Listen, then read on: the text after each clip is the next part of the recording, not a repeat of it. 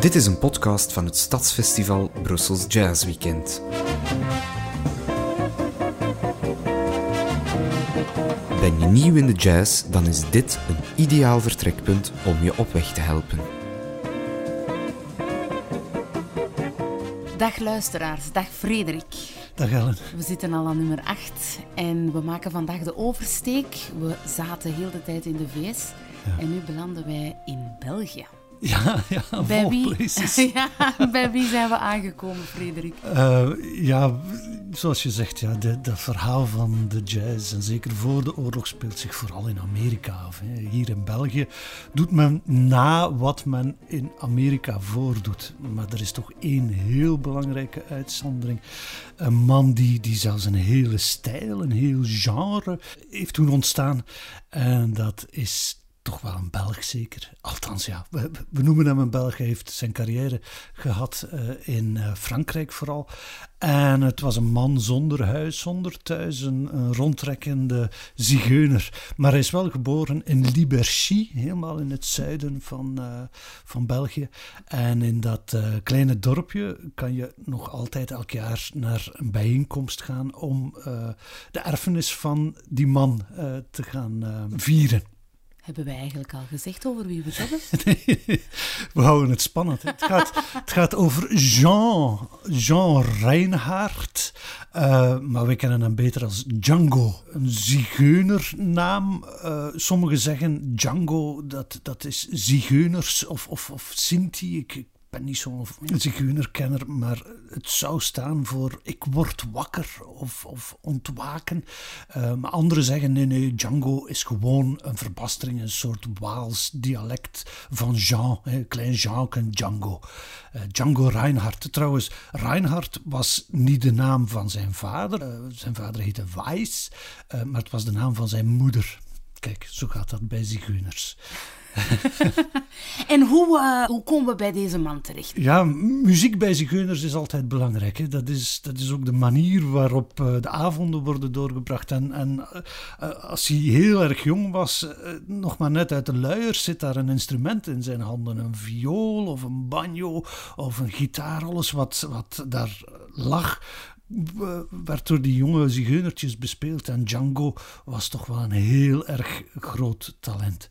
Ehm, tegen dat hij zowat de puberleeftijd bereikt had, was hij eh, al naar Parijs, of, de buitenwijken van Parijs, verhuisd. En daar gaat hij eh, samenspelen met andere immigranten in Parijs. Dat waren vooral Italianen die hun eh, typische instrumenten, was de accordeon, de piano à bretelle, met zich meebrachten. En daar nieuwe accordeonmuziek, die ze de valse musette noemden, eh, spelen. En Django speelt vaak met die... Italiaanse en Franse accordeonisten mee. En eh, het is zo ook dat hij zijn allereerste opnames maakt. Niet echt als solist, maar als begeleider van een accordeonist, een zekere Jean Vezade. En Django kennen wij nu als de ultieme gitarist, maar op die opnames speelt hij nog banjo.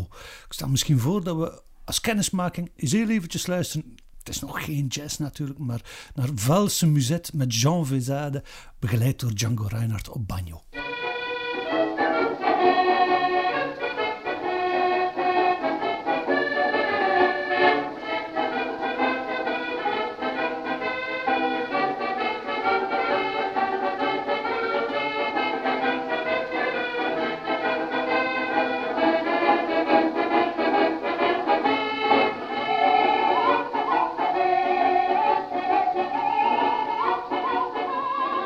Wat een vrolijk deuntje, Frederik.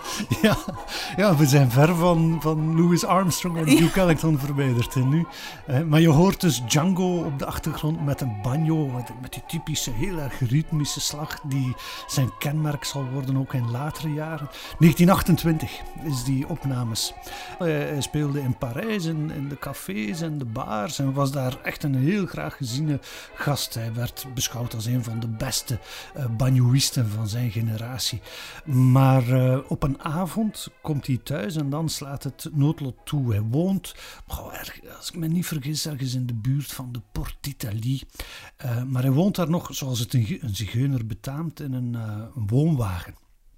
En zijn vrouw, kwam toen aan de kost door het verkopen van kunstbloemen. Boeketten, maar gemaakt van plastieke bloemen. Ik zeg plastiek, maar toen, dat, dat vooroorlogse plastiek, dat, dat was cellulose. En nu, cellulose heeft één vervelende kwaliteit, en dat is dat dat onvoorstelbaar ontvlambaar is. Dat heeft heel weinig nodig om in de fik te schieten. En je raadt het al. Ik voel het al aankomen. Ja, hij komt thuis, uh, waarschijnlijk een, een, glas te veel gedronken of uh, in het donker tastend uh, met de kaars, met kaarslicht. En een van die kaarsen die valt op de bloemetjes in aanmaak van de vrouw van Django. En in een mum van tijd staat heel die woonwagen in lichterlaaien. Django wordt daar uit die vlammenzee gesleurd. Wanneer je in het uh, hospitaal aankomt, zeggen de dokters van ja, we zullen op zijn minst uw been moeten amputeren, want dat is daar zo erg aan toe om nog niet te spreken over zijn armen of zijn handen. En met zijn laatste greintje bewustzijn verzet die sterke Django zich daartegen en zegt nee, nee, kom hier door. Um, het zou natuurlijk ook de grootste nachtmerrie zijn voor een artiest. Ja, natuurlijk. En zeker voor iemand die, die banjo of gitaar speelt. Hè. De, eh, als, als je arm volledig verbrand is, ja, dan zit het gitaarspelen er niet meer in. Het duurt een tijdje, wanneer je revalideert, is er toch op een gegeven moment zijn broer Joseph, Joseph Reinhardt, die langskomt. En uh, Django zegt tegen zijn broer uh, Joseph, apporte-moi ma guitare. En Joseph weet niet wat er gebeurt. En, en, en de volgende dag staat hij met uh, die gitaar daar en met de moed der wanhoop begint Django terug te oefenen. Er is één probleem aan dat hand dat zo verbrand was. Dat was het hand waarmee je fret, hè, waarmee je de snaren indrukt. Daar zijn twee vingers die niet meer, geen dienst meer doen. Dat zijn ringvinger en zijn pink, die werken niet meer.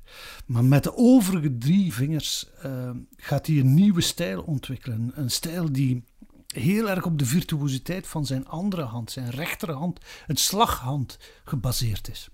En zo ontwikkelt hij een heel erg ritmische stijl. Uh, Fransen hebben daar een heel mooi woord voor. Dat is la pompe. Dus pompen op die gitaar zodanig dat je dat ritme heel erg aanzet. Intussen had hij ook al uh, kennis gemaakt met de nieuwe jazzmuziek. Uh, dat was bij een vriend van hem, een, een, uh, een schilder. Die man heette Emile Savitri. Daar had hij plaatjes gehoord van Duke Ellington en van Louis Armstrong. En hij was daar volledig door begeesterd geraakt. En hij wou op een of andere manier de muziek die hij hoorde ook gaan spelen. Maar natuurlijk deed hij dat vanuit zijn eigen achtergrond. Vanuit de muziek die hij kende. Die valse muzet die we daarnet gehoord hebben. Die Europese muziek. Maar ook zijn eigen zigeuner. Die, die Oost-Europese, nogal melancholische toonladders. Ging hij verwerken in nieuwe soort van jazz, een zigeunerkijk op uh, jazzmuziek. En langzaamaan gaat hij ook een eigen band gaan oprichten en hij doet dat uh, met zijn broer erbij, die ritmegitaar speelt. Django zal zelfs solo-gitaar spelen. En een andere zoon van Italiaanse immigranten, dat was een violist en pianist die hij tegenkwam. Die man heette Stefan Grappelli. En uh, het is een beetje toevallig dat die twee elkaar ontdekken. Het verhaal gaat dat uh, Django in de coulissen uh, van, van een of andere zaal wat aan het spelen was voor zichzelf uit, aan het improviseren was. En Stefan Grappelli kwam voorbij met zijn viool en hij begint spontaan mee te spelen. En de vonk slaat over. En ze, ze, merken onmiddellijk dat die twee elkaar perfect aanvullen. En sindsdien zou dat duo, een klein beetje zoals Laurel en Hardy, zo, twee, uh, of Gaston en Leo, dat zijn twee namen die je in één adem uh, gaat noemen. En. Uh, het is misschien interessant om, om nu eens te luisteren naar de muziek die zij maken. Uh, want uh, rond 1934 gaan ze die muziek ook op plaat gaan zetten als Le Quintet du Hot Club de France. Nu vraag je je misschien af wat die Hot Club de France is. Uh, dat was een, ja, een, vereniging van jazzliefhebbers in Frankrijk. En die mannen, die, die willen wel een, een huisband. Die, die zien wel uh, iets zitten om, om, een huisband aan een vereniging te koppelen. En dat wordt, wordt dat orkest van uh, Django Reinhardt. En het is dankzij de, de, het sponsorschap of de steun van de... Uh, Club de France, dat die eerste platen er ook komen. ik stel voor dat we eens luisteren. Goed idee.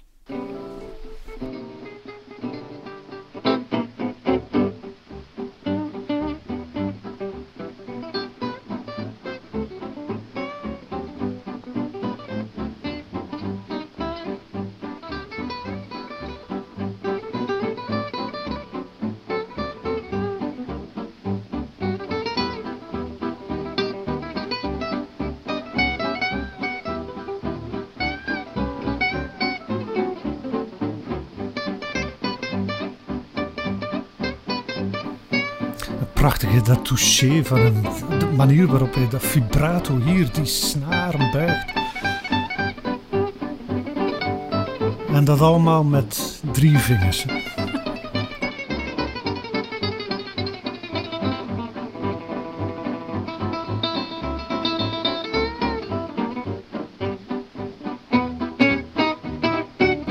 Weer octaafgrepen.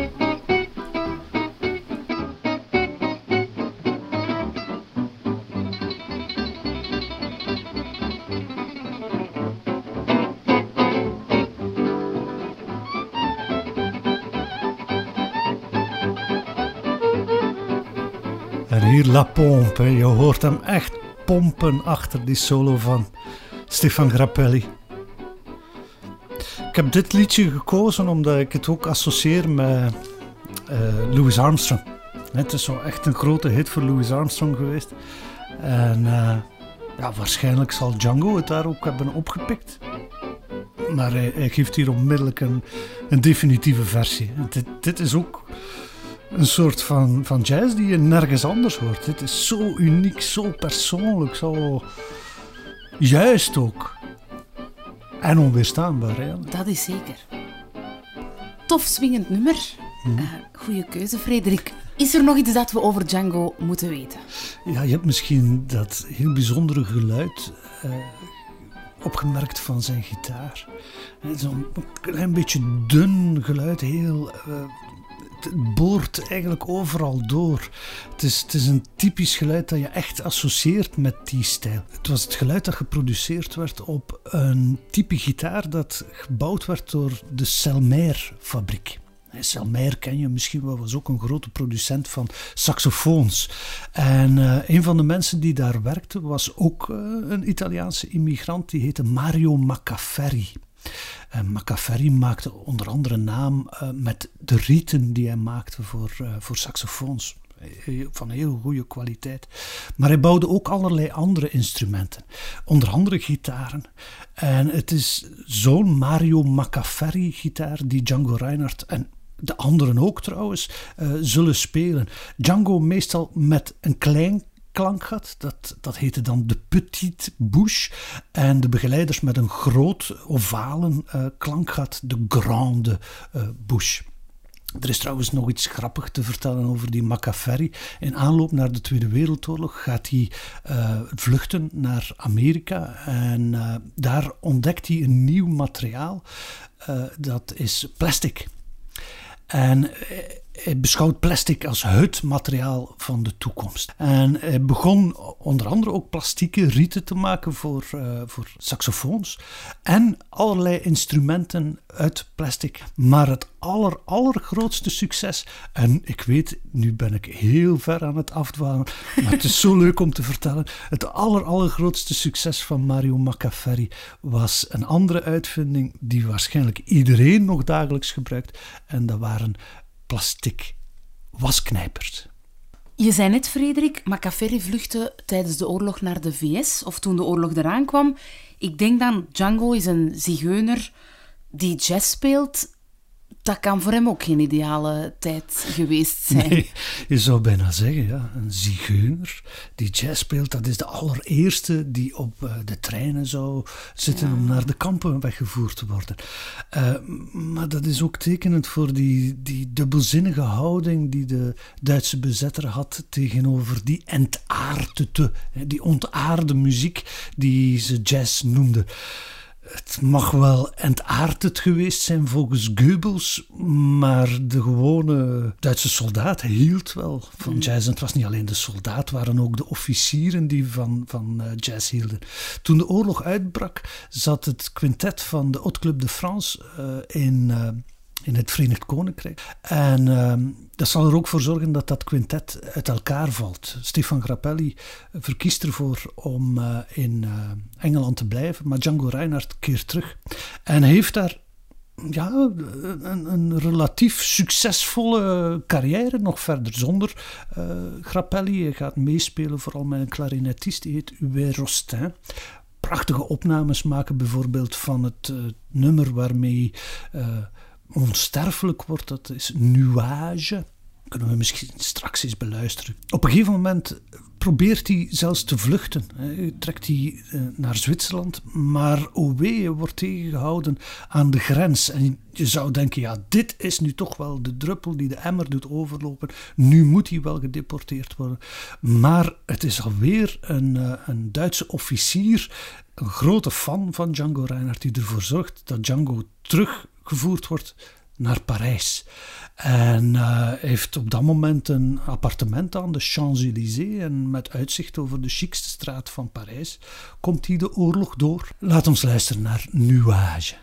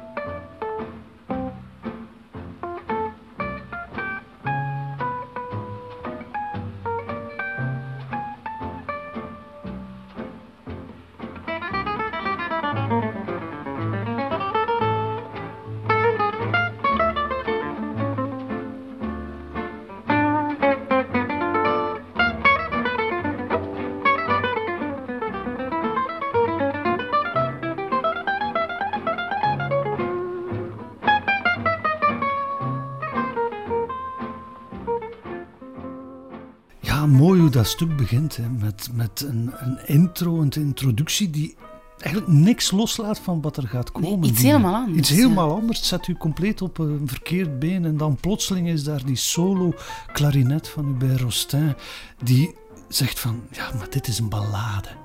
En het duurt een tijdje vooraleer die pompen of, of die begeleiding van die gitaren van Django erin komt. En, en die, die fractie van een paar seconden dat dat duurt is zo mooi. En dan plotseling valt dat uh, erin.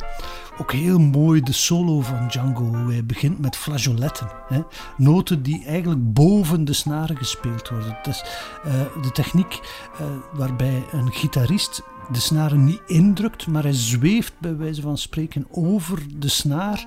En dan, wanneer je ze aanslaat, lijkt het alsof die noot een, heel erg ijle uh, kwaliteit heeft. Hè. Ehm, bijna doorzichtig worden die noten. En, en dat is het eerste deel van zijn solo. Heel mooi. En ook tijdens zijn solo, het tempo, de frasering van zijn solo op een gegeven moment verdubbelt hoe de begeleiding op datzelfde uh, tempo verder blijft gaan. Maar hij in zijn hoofd zit eigenlijk in een dubbel zo snel tempo. En hij gaat daarop fraseren. En die spanning tussen die twee is zo heel mooi. Dat is iets wat je ook vaak bij Amerikaanse uh, solisten zoals uh, Hawkins hoort. Hè. En dan denk ik soms is het Coleman Hawkins die het van Django gehoord heeft of omgekeerd. Maar, maar het is zoiets, het is een heel effectieve manier om die muziek levendig te houden. En is Django als Belg ook doorgebroken in het buitenland? Ja, het zag er heel eventjes goed uit voor Django. Na de Tweede Wereldoorlog in 1946 trekt hij naar Amerika, eh, waar hij een, een, heel succesvolle tournee gaat doen. Die tournee eindigt trouwens in Carnegie Hall in New York, waar hij begeleid door het orkest van niemand minder dan Duke Ellington. Duke Ellington, die voor de gelegenheid zelfs speciaal een stuk had geschreven of een stuk gearrangeerd, zodanig dat hij uh, Django als solist uh, optimaal plaats kon geven. En de eerste avond was een, een, een triomf. Uh, iedereen stond recht en hij kreeg uh, tot zesmaal toe een staande ovatie. Moest telkens weer terugkomen.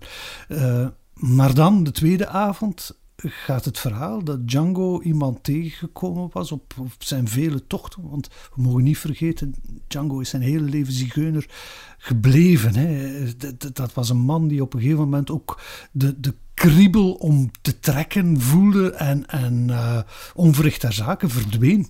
He, ging, ging rondtrekken en dan wist niemand uh, waar die Django uithing. En dat was die avond, die tweede avond in Carnegie Hall, weer het geval. Bleek dat Django iemand tegengekomen was, dat ze samen aan het kaarten sloegen en Django was totaal uh, de tijd uit het oog verloren. En wanneer hem iemand daarop attent maakte, ja, zag hij dat hij dat concert eigenlijk gemist had. En dat was ook zijn gemiste kans in, uh, in Amerika. Maar het is misschien mooi om, om uh, nog een laatste keer naar Django te luisteren op zijn uh, allerlaatste opnamesessie. Dat was trouwens een opnamesessie waar ook een Belg op aanwezig was. Een vibrafonist, die heette Sadi. achternaam was L'Allemand.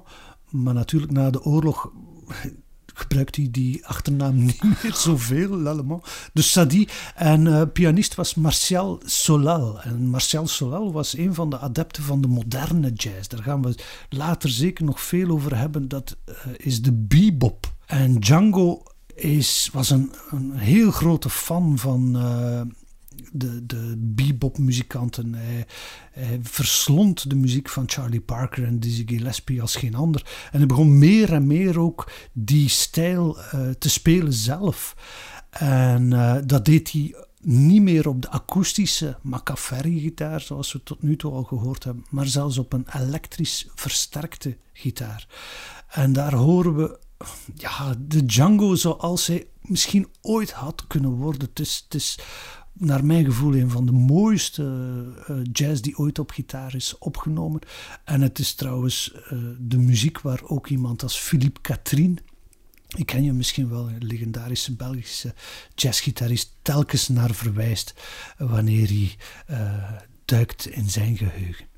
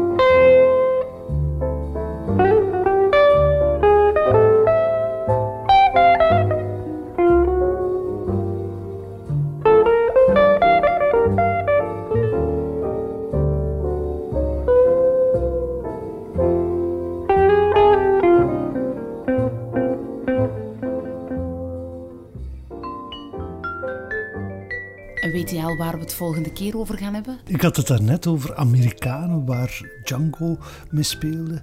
Ehm, ik had het onder andere over Coleman Hawkins. Uh, dat is toch ook zo'n scharnierfiguur waar we het nog heel eventjes moeten over hebben. En dan nemen we met Coleman Hawkins langzaamaan de stap naar de meest avant-gardistische jazz ooit. Dat is de bebop.